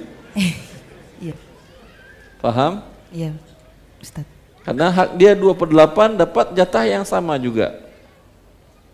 Baik. Oke. Okay. Jazakallah khair Ustaz. Allah barik fiik. Masih ada lagi Ahwat? Ada. Okay. Uh, Bismillah. Uh, Ustadz izin bertanya, ayah Ana uh, membeli rumah seharga 250 juta kalau dibayar cash tetapi belinya ini uh, dicicil jadi 300 sekitar 300-an juta dan dicicilnya ini ke ke ke pengembangnya. Jadi pengembangnya itu yang bayar ke banknya. Apakah uh, ayah Ana ini termasuk uh, ini hutang riba? Ayah Anda beli ke developer. Iya. Dengan cara dicicil. Iya.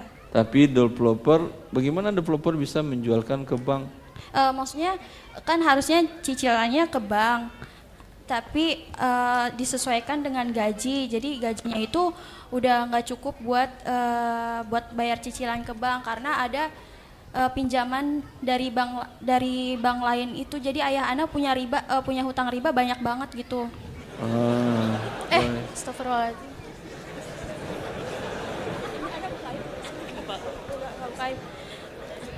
Uh, Tutupi utang ribanya, jangan bikin utang riba yang baru. Uh, Ana udah udah udah ngasih tahu, tapi uh, beliau juga udah tahu dalilnya, tapi ya memang begitu. Terus uh, tapi itu uh, yang Ana pengen tanyakan uh, soal rumah itu termasuk riba atau bukan, Ustadz? Kalau dia langsung ke developer tidak riba. Tidak riba. Ya, akan tetapi lebih penting daripada membuat utang yang baru menutupi utang riba yang sebelumnya. Iya, karena, karena seseorang yang bertaubat itu tidak akan selesai tobatnya dengan tahu saja.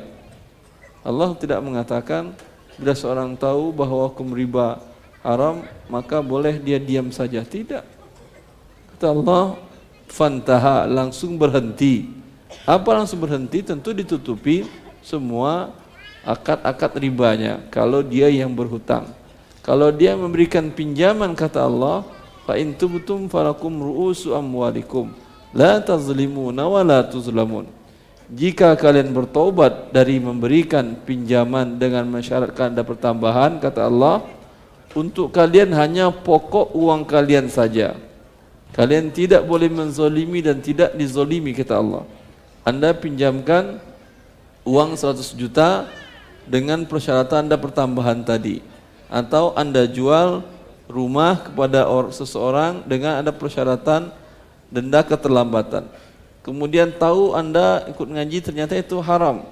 Ya, Anda katakan kepada dia, "Pak, tetap kita lanjutkan kontrak jual beli tidak tunai, tapi saya coret denda keterlambatan." Ya, sehingga menjadi tidak riba. Kalau sudah terambil denda keterlambatan tadi, ya untuk kalian hanya pokok uang kalian saja. Yang ini jangan berikan kepada si pemberi riba tadi karena sudah keluar dari kepemilikannya. Maka itu yang diberikan kepada kemaslahatan umum kalau Anda bertaubat. Tapi kalau terus dibuat akadnya, dibuat akadnya, dibuat akadnya terus berarti belum pernah bertobat Anda. Jelas Ibu? Eh, Ingatkan kepada orang tua Anda. Tidak ada artinya mengetahui kalau tidak melakukan pertobatan kepada Allah Azza wa Jalla. eh, Ustadz itu apa? eh, ayah anak bayarnya itu santai ke nak kok mati? Karena eh, pengembang itu kan teman eh, teman-teman sendiri. Jadi yang kena denda-denda itunya kan si pengembangnya. Jadi hukumnya tetap bukan riba ya? Ayah Anda kan jual belinya dengan developer. Iya. Ya, ayah Anda tidak ada masalah. Sama juga seorang karyawan.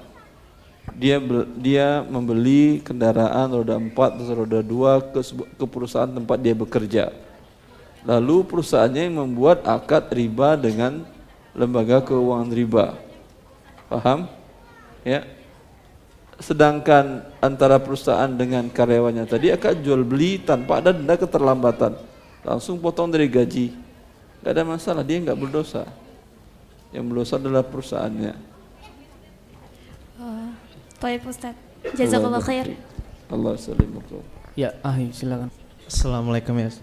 Assalamualaikum warahmatullahi wabarakatuh. Ya Ustadz eh, mau tanya kalau misalkan kayak bisnis catering itu kan kita biasanya ada pembayaran di depan Ustadz. Tapi kalau misalkan qadar Allah sehari sebelum itu batal perjanjiannya apa yang harus saya lakukan Ustadz? Kira-kira apakah seluruh pembayaran di awalnya dikembalikan atau saya kembalikan berdasarkan porsi Sebentar, yang belum sebentar, sebentar, gitu ya? Ya. Anda catering, usaha catering. Ya, insyaallah. Terus Eh, jadi pembayaran bayar dilakukan DP di awal. di awal. Iya. Berapa persen? 30, 40? Eh, termin Ustadz biasanya nanti sekitar seminggu sebelum biasanya pelunasan seperti itu. Iya, terus Nah, pertanyaannya cuman apa? Kalau misalkan udah belanja, terus tiba-tiba sehari-hari yang dekat ini kodar Allah batal gitu. Yang batal siapa? Dia pihak. Dia customer. membatalkan. Iya. Terus? Nah, apakah pembayaran di awal itu harus dikembalikan seluruhnya atau cukup dikembalikan apa yang belum kita belanjakan aja gitu, Ustaz? Belanjaannya kasih ke dia. Oke. Ah. Termasuk sama pembayaran di awal Iya, sebelumnya uangnya itu? uang Anda sudah. Oh, jadi pembayaran yang di awal dia lakukan tadi udah sepenuhnya jadi hak saya gitu, Sat. Betul. Tapi apa yang sudah saya belanjakan dikembalikan Kasih ke, ke dia. pihaknya. Ah, ah. Oh, gitu. Yang belum berbentuk uang masih milik Anda. Oke. Tidak bisa dia tarik baik secara hukum legal atau hukum syar'i. Secara syar'an ya DP hilang. Oh, walaupun dia belum terima barangnya gitu ya, Tata. Kan Anda kasih dia barang belanjaan. Oh iya. oh, jadi cukup barangnya aja yang dikasih, selebihnya jadi hak saya seperti itu. Iya. Oke, kalau gitu. Allah Ya, Jazakallah khairan, Ustaz. Allah salam. Ustadz, eh, misalnya ada A melakukan transaksi dengan B berjualan kurma. A biasa menjual kurma itu seharga 160.500 gram. Ketika dengan B ini, karena B sudah terbiasa membeli, A menjual kepada B 150 eh, 150.000 per 500 gram. Eh, B membeli di waktu itu satu setengah kilo dengan harga 150 gram. Setelah itu di waktu yang sama juga B membeli dengan harga 200 ribu. A menjelaskan harga 200 ribu. Oh, maksudnya bagaimana? ya? Maksudnya gimana? nah, oke. Diam, diam dulu, diam dulu. Antum belum paham udah ketawa aja. A menjual barang kepada A menjual kurma kepada B seharga 150 ribu. Biasanya Tunai. A tunai. Biasanya A menjual kurma itu 160 ribu Ke si B tadi. kepada siapa pun. Kecuali si B. kepada siapa pun. Tetapi, oke awalnya gini Ustadz, Nah, A, bia- A menjual kurma seharga 500 ribu, 160 ribu per 500 gram kepada siapa pun.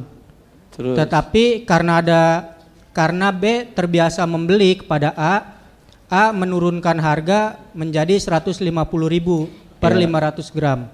Nah, Terus? ketika itu B mem- pada saat pada saat misalnya hari ini B membeli satu setengah kilo dengan harga 150 ribu. Berarti B untungnya besar. Berarti B membeli dengan 450 ribu. 450 ribu dengan satu setengah kilo. Kemudian Maka ada kemudiannya lagi terus.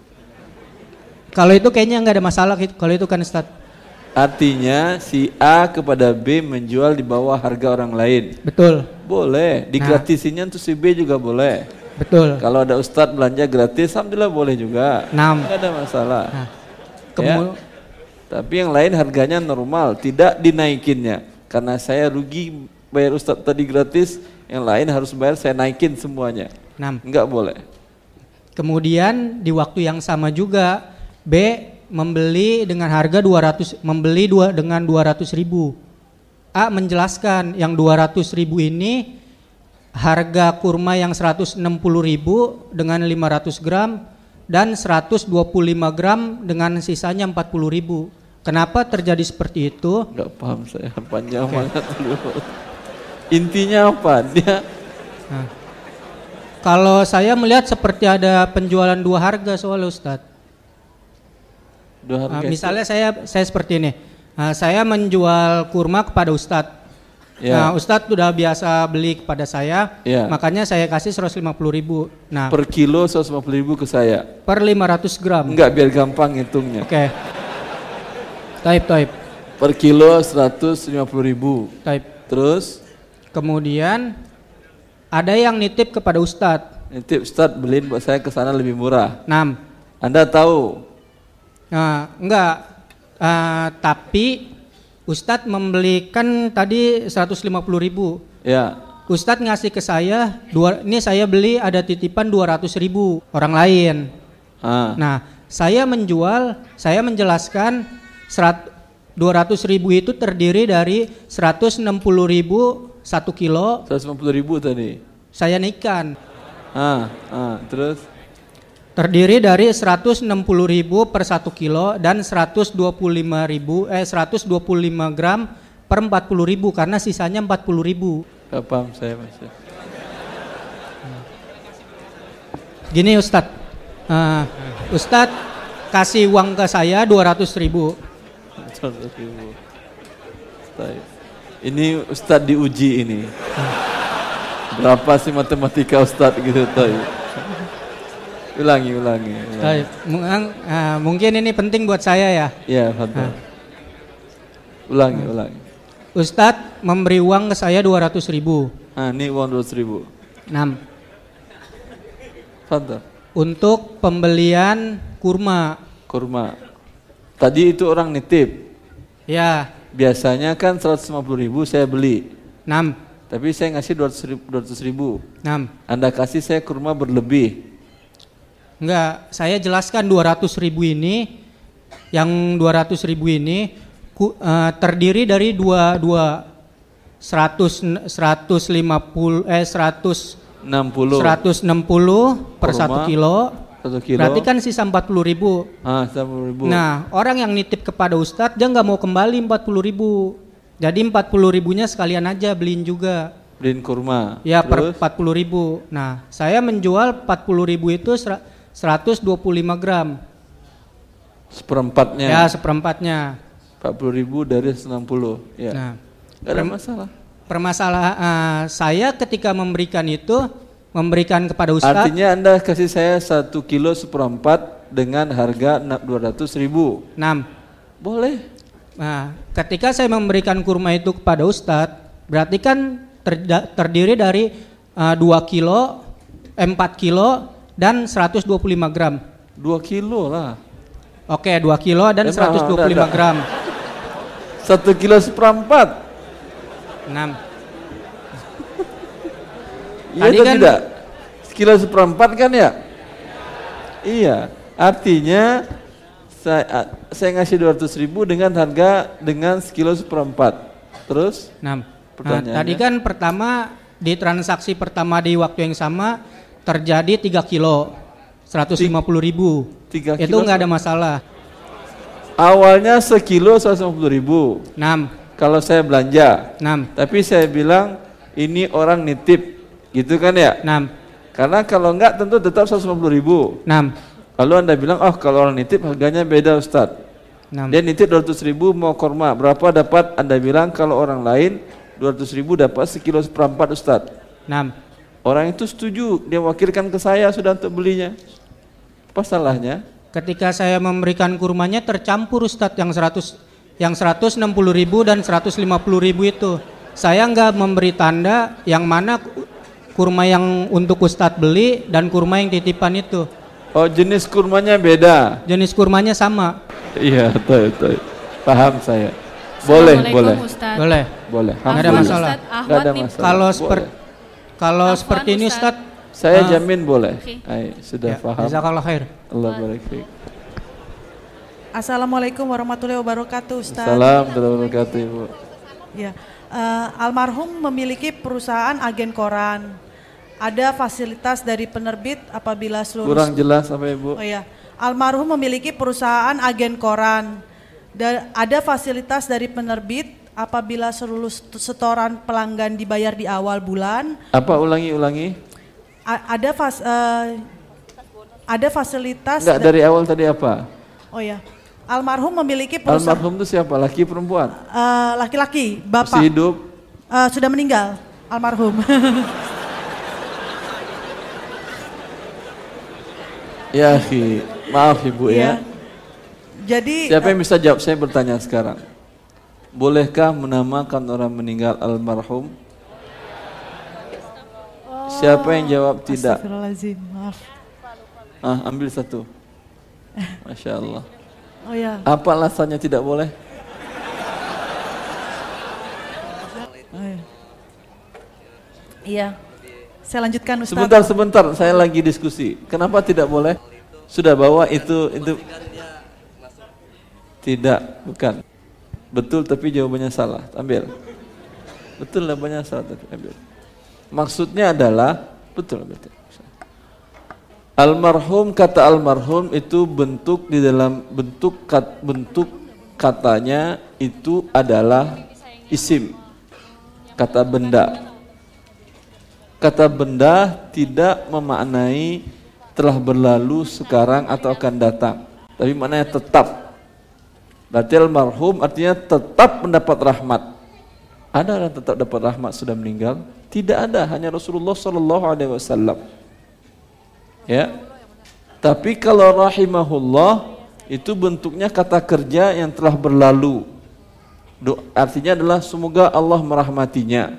Mungkin dirahmati mungkin tidak tapi anda doakan dia mendapat rahmat. Jauh beda maknanya itu. Ya terkadang kebiasaan orang ada yang mengatakan al-maghfurullah tapi di Indonesia jarang kata itu digunakan. Orang yang diampuni. Kalau ghafarahullah ghafarallahu laka wa liwalidayka wa li jami'il muslimin semoga Allah mengampunimu kedua orang tuamu dan seluruh kaum muslimin bagus. Tapi al-maghfurullah pasti dia telah mendapatkan ampunan Allah. Ini tidak boleh. Karena dia menggunakan bentuk kata benda ya berarti satu buat saya setuju insyaallah terus ibu Iya. ya Eh, yang meninggal tadi kenapa Ya dia meninggalkan perusahaan agen koran. Ada fasilitas dari penerbit apabila seluruh setoran pelanggan dibayar di awal bulan, bukan di akhir bulan. Anggaplah salah satu pemegang saham menalangi 85 juta di awal dan mendapatkan 3% dari penerbit. Pertanyaan saya apakah itu halal atau haram Ustadz? Terima kasih. Tiga persennya dari 85 juta itu Ustadz. menalangin maksudnya bagaimana Bukan profit. ulangi ibu perusahaan agen koran terus Ya misalnya gini Ustadz, perusahaan agen koran, eh, lalu pelanggan membayar 35 ribu eh, tiap bulan. Eh, Terus? Lalu eh, ada salah satu pemegang saham yang menalangi keseluruhan. itu pakai uang dia Iya pakai uang dia Kalau menalangi rugi tetap seluruh harus setoran. kalau rugi tetap harus kembali uangnya ruginya umpamanya tutup koran tadi dia sudah Eh. ditalanginya kemudian tutup perusahaan korannya penerbitnya nggak terbit-terbit lagi uangnya diganti oleh perusahaan atau tidak Oh ya Ustadz saya teruskan. Ini Ustadz pertanyaannya apakah eh, tiga per- bonus yang diberikan oleh salah satu penerbit surat kabar 3% dari 85 juta misalkan Itu eh, harta halal atau harta haram Ustadz? Dia talangi dari awal. Salah Iya. satu pemegang saham. Kalau kata Dia bayar di awal gitu, tidak bayar di belakang. iya, kalau bayar di awal Lebih ada potongan. Artinya menalangi semua setoran pelanggan yang biasanya bayar di akhir bulan dapat bonus 3%. Sebentar, antara Anda agen dengan penerbit koran itu akadnya apa berarti? Jual beli atau marketer marketing menjualkan korannya yang sudah terjual dapat uang dikasih atau laku nggak laku dia nanggung? Me- sudah ada pelanggannya Ustadz. Sudah ada pelanggan tetap Antara agen antar agen. tadi dengan penerbit koran tadi. Akadnya apa? Jual beli laku nggak laku harus bayar atau dia ngambil umpamanya sehari 100 itu harganya umpamanya 10 juta. Laku nggak laku harus dibayar. Atau tidak? Yang laku dibayar uangnya yang tidak laku dikembalikan dan dia dapat untung Eh, ini boleh sudah bawa pasti, dulu sudah pasti laku karena pelanggan tetap. Jadi sudah setoran yang eh, berpola begitu Ustadz. Setoran rutin. pertanyaan saya belum terjawab Akadnya saya nggak tahu bentuknya apa Ustadz. di, pasti ada akad tertulis antara agen dengan pihak penerbit dia atau tidak Oh, Coba lihat apa tertulis di situ. Apakah dia harus membayar ketika terjadi sesuatu atau tidak? ya itu yang mengetahui sepertinya almarhum eh ah, maaf rohim eh, ayah kam ayah rohimahullah. Nah, masya Allah. ya rahimahullah. Ya, belum bisa saya jelaskan ibu, tergantung akadnya. Kalau akadnya tadi adalah akad wakalah, nggak ada masalah. Jadi supaya halal akadnya boleh diberitahu kami Ustadz kalau ada akad itu. Kalau memang jual beli bukan nalangin dari si pembeli-pembeli ini. Anda beli di awal. Beli di awal, uang di awal. Ya, nanti mereka cetak, mereka jual ke Anda dengan harga jauh di bawah harga pasar. Kemudian Anda keuntungannya ketika waktunya jual kepada mereka. Jadi bukan bukan fee atau potongan tapi memang Anda jual beli dengan dia. Paham? Hmm, kurang paham Ustadz. Taib. Ya, Ya. tadi kan Bapak kurang paham di-cut oleh Ibu. Ya, Ya, yang lain. Ya. Tadi masih orang yang sama atau beda sih? Assalamualaikum Waalaikumsalam warahmatullahi wabarakatuh. Ustadz, saya mau bertanya, bagaimanakah hukumnya bagi mediator yang mendapat komisi dari jual beli properti yang akadnya melalui bank konvensional? Halal atau haramkah Ustadz? Sukron. Ini sering saya jelaskan. Masya Allah. Siapa yang bisa jawab amplop terakhir? Ibu bapak. Antum udah dapat tadi belum? Jawab aja. Amplopnya untuk saya. Silahkan. Masya Allah. Haram Ustadz. Karena dia menjadi saksi dari transaksi akad riba antara si penjual dengan pembeli. Bagaimana agar jadi boleh? Agar jadi boleh Ustadz ya. A- Iya. Mungkin eh, agar jadi boleh eh, si mediator tersebut menyarankan untuk eh, beli langsung ke si developer dan dicicil. Developer nggak mau. Nah, berarti dialihkan ke bank syariah, tetapi dengan akad syariah. Bagaimana akad tidak syariah ada denda keterlambatan, eh, apa dalam bentuk apa pun juga ditentukan cicilannya di awal dan serah terima langsung eh, si, developer menjual dulu kepada si bank, baru bank menjualkan ke si pihak si pembeli tersebut. Jadi akadnya adalah si pembeli Kalau dia tidak mau pakai bank syariah, harus mau Ustaz. Iya, bagus. Yang terakhir, yang terakhir. Kalau tanpa bank syariah, bagaimana solusinya? Fadol, he. Antum sudah dap sudah dapat? Belum. Cicil gimana? Dia nggak dia nggak mau pakai bank syariah, dia mau punya bank konven. Silahkan. Kalau eh, Rizky sebagai agen sebagai, untuk sebagai halal, cukup dia menghubungkan antara penjual pembeli. Setelah itu transaksinya tutup mata.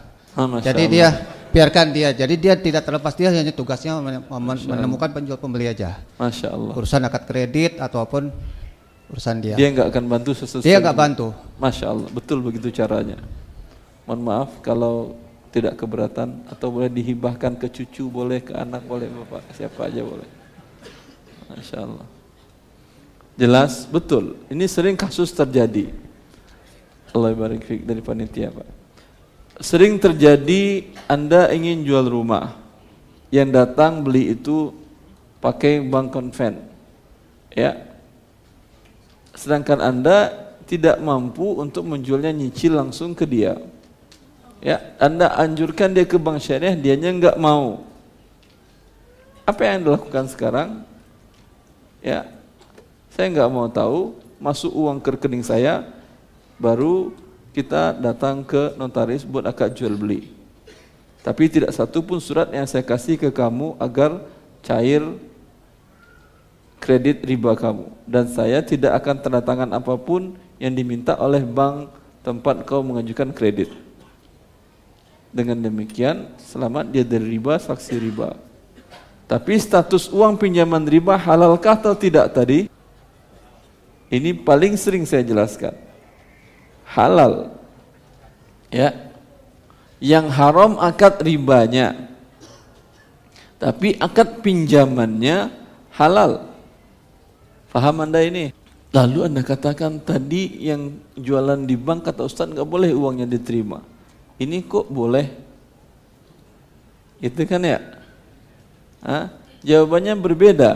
Kalau yang ini akad pinjaman, akad pinjaman halal, ribanya yang haram. Paham? Tapi kalau yang bekerja di bank riba, akad kerjanya itu sudah haram. Andai pun dia tidak dapat gaji bekerja di sana, pekerjaannya pun berdosa dia. Sekarang dapat imbalan dari mengerjakan perbuatan yang haram, uangnya adalah uang haram. Dibelikannya barang kepada Anda dan Anda tahu, maka tidak berubah status hukum uangnya tadi.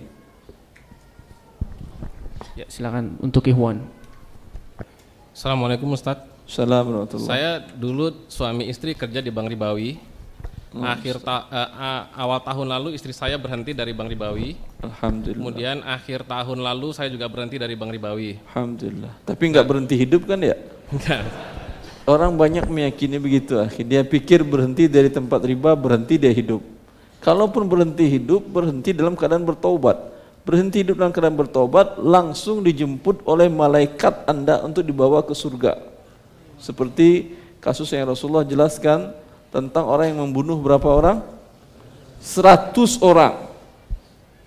Dijemput oleh malaikat rahmat, ribut antara malaikat. Malaikat kelahi, mau dibawa ke mana dia?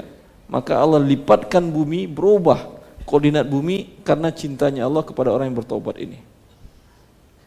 Baik. Nah, eh, waktu di awal istri saya berhenti dari Bank Ribawi, alasannya bukan karena riba, karena memang waktu itu kita belum tahu. Jadi waktu di akhir tahun, waktu kita di pertengahan tahun kita baru saya berhenti dari Ribawi. Pertanyaannya adalah, Iya, istri saya dapat BPJ, BPJS ya. Iya. Nah, uang itu kita daftarkan untuk ONH. ONH-nya eh, hajinya masih 10 tahun yang lalu. Pertanyaan saya, BPJS ketenagakerjaan Betul. berarti. Nah, pertanyaan saya adalah uang ONH yang sudah saya setorkan itu halal apa haram ya, Ustaz? Ah, taib. Dari seluruh uang yang didapatkan dari bekerja di bank riba tadi, yang halal hanya kebutuhan pokok minimal setahun ke depan. Sisanya berikan kepada fakir miskin. Hitung mau BPJS ketenagakerjaan, mau pesangon, mau apa pun semuanya, aset rumah, kendaraan, semuanya dihitung. Ya, kalau rumah ada dua, Anda bisa hidup dengan satu rumah, yang satunya lagi tidak halal ini. Berikan kepada fakir miskin. Ada kerabatnya adik fakir miskin, berikan ke dia. Ambil rumah olehmu. Ya. Kalau kemudian Anda ada Anda dan istri punya simpanan tabungan, yang halal adalah pre- prediksikan, perkirakan kebutuhan Anda dan istri dan anak-anak dan yang orang tanggung Anda ke tahun ke depan berapa? Umpamanya sekitar 50 juta. Sedangkan pesangon Anda dan istri semuanya sekitar 500 juta. 50 ditahan, 450 bagi-bagikan kepada fakir miskin. Jadi yang ONH kemarin nggak halal ya, Ustaz ya? Tidak halal, tapi sudah terbayar. Sudah dibayar, belum lunas memang. Masih baru ini. Eh, kalau bisa dipindah namakan, Uh, sebetulnya sih kita kan karena ngambil antrian agak lama. Kalau uh, saya takutnya kan uh, kuotanya apa namanya antriannya tambah lama lagi jauh. Dita, enggak maksud saya dipindah namakan ke orang lain, dia yang ngambil, dia yang bayar kalau bisa. Kemudian uangnya tadi berikan kepada fakir miskin. Kalau tidak, dikat bisa ditarik uangnya? Uh, ditarik uangnya mungkin bisa, cuman kan saya harus mengantri 10 tahun. Mas saya bisa nggak misalnya? Tidak wajib, ya ijma para ulama dinukil oleh Imam Nawawi sebelumnya beliau nukil dari uh, Imam Syafi'i dalam risalahnya bahwasanya orang yang seluruh hartanya haram sepakat para ulama tidak ada kewajiban dia berzakat tidak ada kewajiban haji tidak ada kewajiban umrah tidak ada kewajiban menafkahi anak istri karena Allah mengatakan Rasulullah mengatakan la yaqbalullah sadaqatan min ghulul Allah tidak terima zak, sedekah zakat dari harta yang haram. Ini tadi kan harta haram. Sedekah tidak diterima. Bila bahkan Ibn Abbas mengatakan solat orang yang makan harta haram tidak diterima. Ya, kemudian digunakan untuk melakukan ibadah haji diriwayatkan oleh Imam Ahmad dalam musnadnya disahkan oleh Syekh Simbas rahimahullah bahwasanya bila seseorang berangkat dengan menggunakan harta yang haram ketika kakinya menginjakkan di atas kendaraan dan dia mengucapkan labbaik Allahumma labbaik labbaik la syarika laka labbaik innal hamda wan ni'mata laka wal mulk la syarika lak. Dia mengatakan ya Allah aku sambut panggilanmu untuk mendatangi rumahmu untuk melakukan ibadah haji ya Allah. Kata Rasulullah SAW fayunadi munadim minas sama' Di saat dia mengatakan itu, malaikat menyambut perkataannya dari langit diutus oleh Allah, la labbaika wa la sa'daik. Tidak diterima kedatanganmu dan kau tidak mendapatkan kebahagiaan. Fa inna ma laka haram wa zadaka haram wa hajjuka ma'zurin ghairu mabrur. Karena hartamu yang haram, biaya berangkatmu biaya yang haram, hajimu tertolak tidak diterima. Jelas? Uh, Alhamdulillah saya bulan ini sudah dapat pekerjaan. Kalau misalnya gaji itu saya tutup ah, untuk boleh. haji yang Betul. sisanya itu Betul. saya keluarkan boleh Ustaz ya. Betul. Berapa tadi sudah terbayar? Terbayar namanya 20. Dapat gaji Anda yang halal 20 ini niatkan pengganti 20 daftar haji tadi ini diberikan kepada fakir miskin. Jadi kalau misalnya saya mencicil di tiga bulan karena kan untuk satu bulan gaji mungkin nggak cukup tiga bulan di, dikeluarkan boleh. Boleh. Tapi jangan mati dulu sebelum selesai. Nah, Dan sampaikan ke ahli waris. Kalau sekadar Allah bapak ibu kalian dipanggil, bapak ada utang riba itu. nah terus saya juga kan kemarin resign dapat BPJS itu saya biarkan saja di BPJS. Ambil seperti yang tadi lakukan. Ya, ambil minimalnya minimal kebutuhan anda anak dan istri, potong sisanya berikan kepada fakir miskin yang walaupun lain. saya sudah bekerja. Walaupun saya sudah Kalau sudah bekerja, ambil berikan 100% kepada fakir miskin. Kalau bekerjanya di tempat yang halal tadi, sebesar uang yang dibayarkan dari perusahaan dan dipotong dari gaji itu halal. Hanya pertambahan bunganya saja yang haram. Tetapi ini karena bekerja di tempat yang haram, maka 100%-nya haram. Jazakallah. Jelas Bapak? Jazakallah. Menyerahkan ke fakir miskinnya tahu Bapak? bisa dibantu dijelasin kalau misalnya ke, ke Saya keluar- bantu. Enggak, Anda sendiri yang cari fakir miskinnya, tapi cara menentukan orang yang fakir miskin begini. Lihat, tanya umpamanya ada kerabat, ada tetangga, ada teman dekat yang menurut Anda agak susah hidupnya. Tapi tanyakan. Ya, mohon maaf saya bertanya mungkin agak privasi, privat atau khusus pribadi Anda, tapi tolong jawab karena ada saya kepentingan mengenai dunia akhirat saya. Ya, berapa kebutuhan pokok Anda sekeluarga? Dia ceritalah, oh Alhamdulillah tertutupi, ya berapa? Kata dia umpamanya kebutuhan anak yang di sana per bulan saya harus kirim buat uang kuliahnya, uang biaya hidupnya sekian. Yang buat yang satu ini pesantren setiap sebulan saya harus kirim sekian. Ya, buat yang di rumah kehidupan sekian. Keluar angka 15 atau 20 juta.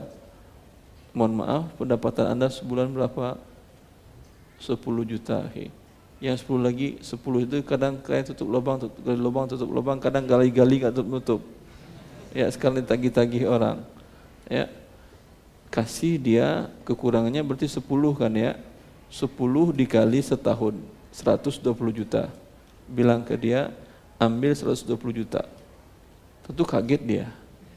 Bercanda kamu katanya kan ya. 120 juta kan pasti bercanda kan segini segepok 120 juta. Enggak. Nak katakanlah saya mohon maaf saya dapatkan ini secara hukum positif halal uang ini. Tapi Allah tidak menghalalkannya. Artinya kan takut nanti korupsi kan kalau korupsi dia takut kan ya? Tapi enggak secara hukum positif insya Allah saya anda tidak dikejar polisi. Tapi di, saya dikejar oleh Allah. Tapi untuk anda halal kata Ustadz karena uang riba tadi halal untuk fakir miskin dan untuk kemaslahatan umum. Kasih dia 150 juta. Sungkan juga dan nerima nggak enak kebanyakan takut nanti dirampok dia juga. Ya udah, Anda yang bayarkan sekolah anaknya tadi. Minta nomor alamatnya, rekening banknya, setorkan atas nama anaknya. Jelas? Jelas Ustaz. Allah barik fikum. Itu menentukan cara miskin. Bukan sekedar Anda kemudian taruh 100 ribu, 200 ribu dalam amplop bagi-bagikan seperti tadi tidak. Tadi ini bukan bukan harta haram kan ya? harta haram bukan begitu cara bagiannya. Ya, dilihat butuh miskin atau tidak. Tadi hadiah bisa untuk yang miskin, bisa juga yang kaya kan tadi kan ya. Buat Ustaz tadi juga boleh kan ya? Ah, Masya Allah. Ya. Cukup, Ahi. Cukup katanya Hakim Afwan. Silakan, silakan cepat-cepat. Bismillah. Assalamualaikum warahmatullahi wabarakatuh. Assalamualaikum warahmatullahi wabarakatuh. Ustaz saya ingin bertanya tentang akad jual beli. Saya memesan pakaian misalnya sirwal satu karung. Saya Ya. bayar satu juta. Eh, dengan catatan agennya ini adalah teman saya. Dengan catatan dengan teman Anda terus Eh, saya bilang ke agennya, eh, saya bayar satu juta, kamu pilih saja sirwal yang bagus, terserah kamu. Tapi satu karung tadi. Iya, jadi dia yang mengisi sendiri. Jadi Hah? saya satu satu juta saya beli ke agennya. Dengan jumlah satu karung. Satu karung. Satu karung itu berapa pieces? Eh, jadi saya memberikan syarat satu juta itu terserah kamu. eh kamu hitung saja berapa satu juta itu dapat pakaiannya gitu, Ustaz. Jadi dihitung saya model ini dapatnya karena 200 ribu satu jadi 10 jadi eh, jadi 5 jadi satu juta gitu. Artinya Anda jual beli dengan harga di bawah pasar. Enggak Ustaz, jual beli dengan harga biasa gitu. Harga biasa, tapi Nah. barangnya tidak jelas. Barangnya iya, jadi saya bilang ke Nanti jelas atau tidak setelah dia pilih? Jelas Ustaz. Ketika dia pilih jelas kan ya? Jelas Ustaz. Pertama tidak jelas. Kan tidak jelas pertama. Kamu ambil aja lah. Nanti satu karung sekian. Ah, Bisa jadi dia setengah karung, misalnya seperempat karung. Tapi kita misalnya satu karung Ustaz, dengan dengan syarat kalau enggak eh, dengan permisalan lain satu, saya bayar satu juta, kamu saja yang milihin modelnya Ah, kayak gitu Ustaz. Itu boleh nggak Ustaz? Boleh, nggak ada masalah. Asal jelas nanti Ah. berapanya. Lalu misalnya ada reseller Ustaz datang ke saya gitu. Reseller ini eh, membeli juga dari saya, tapi karungnya itu kan belum dibongkar Ustaz. Tapi sudah di gudang saya. Nggak boleh. Nah, berarti yang reseller itu nggak boleh, tapi kalau saya ke Anda teman belinya saya- dalam karung atau sudah dibuka satu-satu? Kalau yang untuk reseller Enggak, Anda yang beli tadi satu-satu dibuka kan ya? yang dari agennya tadi Ustaz. Ya. Yang dari agennya tadi dia yang milih, agennya yang milih. Saya bilang karena teman saya, saya oh percaya iya, sama udah, dia. Toib, toib. Nggak ada masalah. Sekarang nggak boleh walaupun kecuali Anda jelaskan dengan speknya. Bagaimana Ustaz? Sekarang kan Anda jual ke reseller. Anda jual ke reseller kan dia nggak lihat isinya. Iya Ustaz. Tapi Anda jual Anda jelaskan nggak speknya seperti apa? Jelaskan Ustaz, misalnya warnanya segala macam yang membedakan eh, harga. Biasanya kita jelasin ini misalnya sirwal anak gitu Ustaz. Eh, ya Jenis itu. kayaknya seperti ini, seperti yang, yang membedakan harga. Anda jelaskan rinci? Eh, enggak Ustaz. Kalau yang ke reseller. Tidak boleh. Berarti Kecuali kalau yang Anda cara- jelaskan rinci ke reseller tadi. Ini sirwal anak jenis kainnya ini. Ah. Ya, warnanya bermacam-macam. Itu boleh. Cukup. Berarti Pak, ya. kalau misalnya yang cara halalnya itu yang ke, ke agennya yang tadi teman saya itu boleh Ustaz ya. Kalau yang ke reseller itu nggak boleh. Karena nggak jelas. Iya. Jazakallahu khair. Assalamualaikum warahmatullahi wabarakatuh. Afwan ter, terhalangi orang lain. Cukup dulu. Subhanakallah bihamdika asyhadu an la. Assalamualaikum warahmatullahi wabarakatuh.